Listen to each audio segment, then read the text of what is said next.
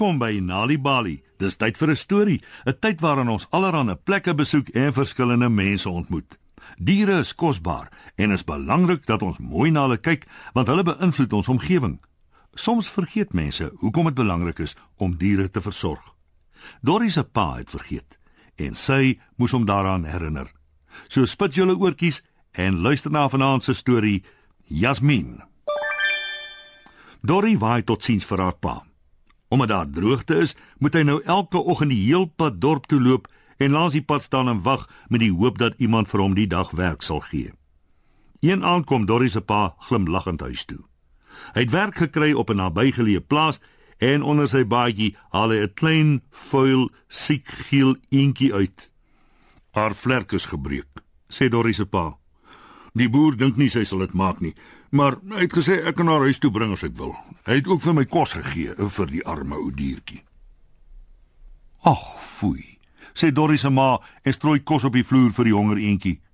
Dorrie, kyk gou of jy iets kan kry waarin ons haar kan sit. Dorrie draf na haar kamer toe en haal haar baba pop uit die kartonboks en sit die pop in haar bed. Sy sit 'n stuk ou handdoek in die boks en toe die eentjie klaar geëet het, tel sy haar op en sit haar versigtig in die boks. Dorrie vra of sy die eentjie in haar kamer kan hou. Haar pa sê sy mag. Maar net, voeg hy by, totdat sy bietjie sterker is. Dan moet sy buite bly. Wel, dis te sê as sy oorleef. Dorrie is ongelukkig oor wat haar pa nou net gesê het. Dis 'n dierbare klein eentjie en sy gaan seker maak sy oorleef. En dis presies wat Dorrie doen. 'n Paar keer per dag strooi sy kos op die grond vir die eentjie om te eet en daarna hou sy haar in haar arms en maak sagte kloekgeluitjies totdat sy aan die slaap raak. Dorrie noem die eentjie Jasmin, want dit is die heel mooiste naam waaraan sy kan dink. Jasmin groei vinnig en word gou sterker. Toe dit duidelik word sy gaan oorleef, maak Dorrie se pa vir haar ook buite. "Soos wat se naam so vlerk nou lyk," sê hy vir Dorrie. "Dink ek nie die arme ding sal ooit vlieg nie, maar dit maak nie saak nie. Ons wil nie 'n eend hê wat vlieg nie, net 'n lekker vet een." "Moenie haar wat se naam noem nie," sê Dorrie kwaad. Haar naam is Jasmin. Maar Dorrie se pa is te besig om te timmer om te hoor wat sy sê.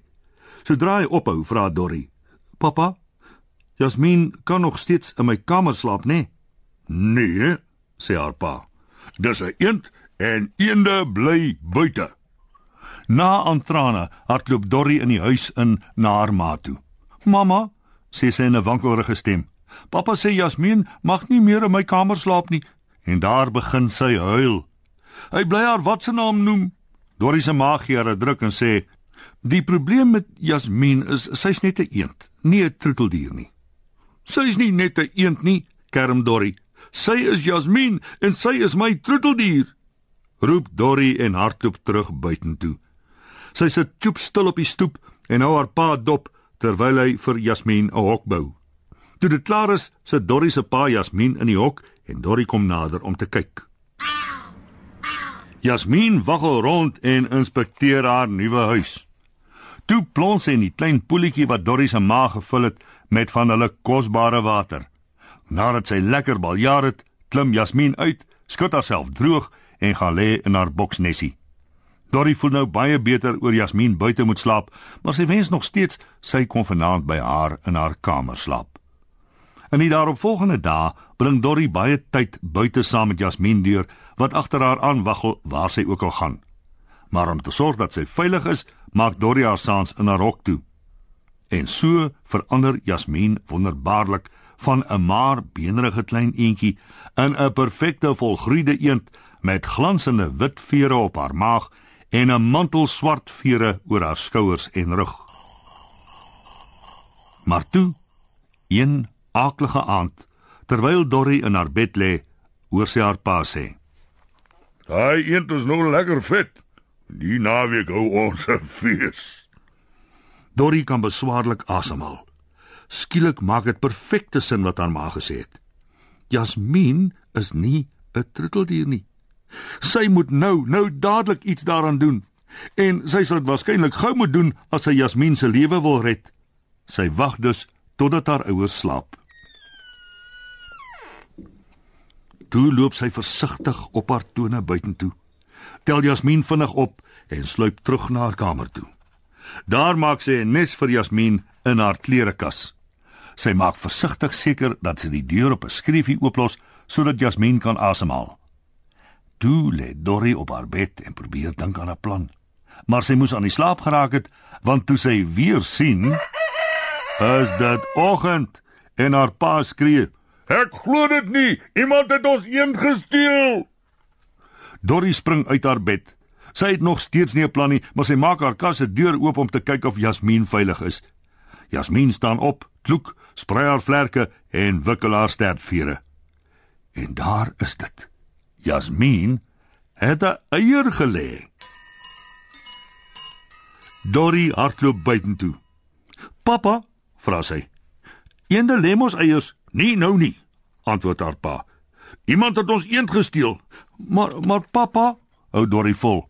"Sê nou ek kry Jasmin en sy lê vir ons eiers om te eet. Sal pappa beloof ons kan haar hou?" "Dit gaan nie gebeur nie, Dorrie," sê haar pa. Hy is in so 'n toestand dat hy heeltyd op en af loop. "Maar," hou Dorrie vol. "Maar wat?" sê haar pa. "Maar kan ek haar dan hou?" Ja, Dorrie, as jy haar kry en as sy 'n eier lê, dan kan jy haar maar hou.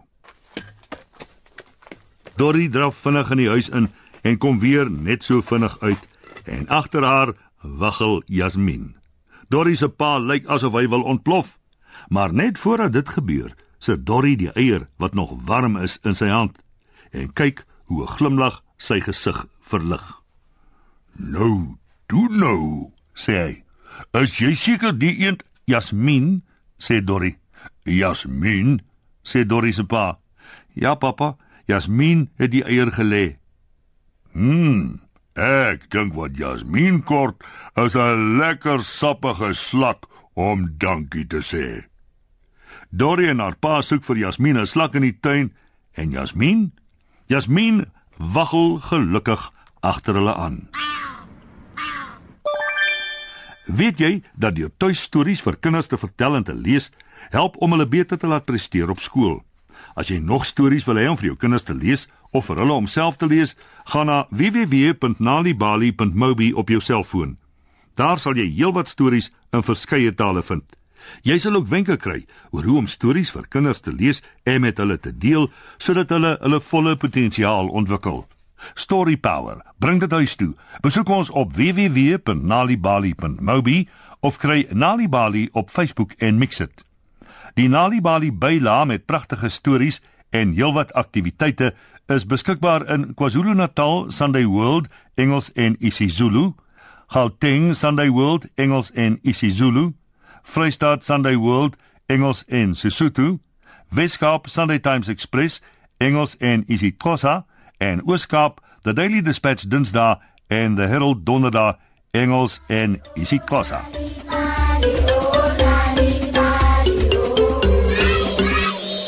En nou luister ons na Eva.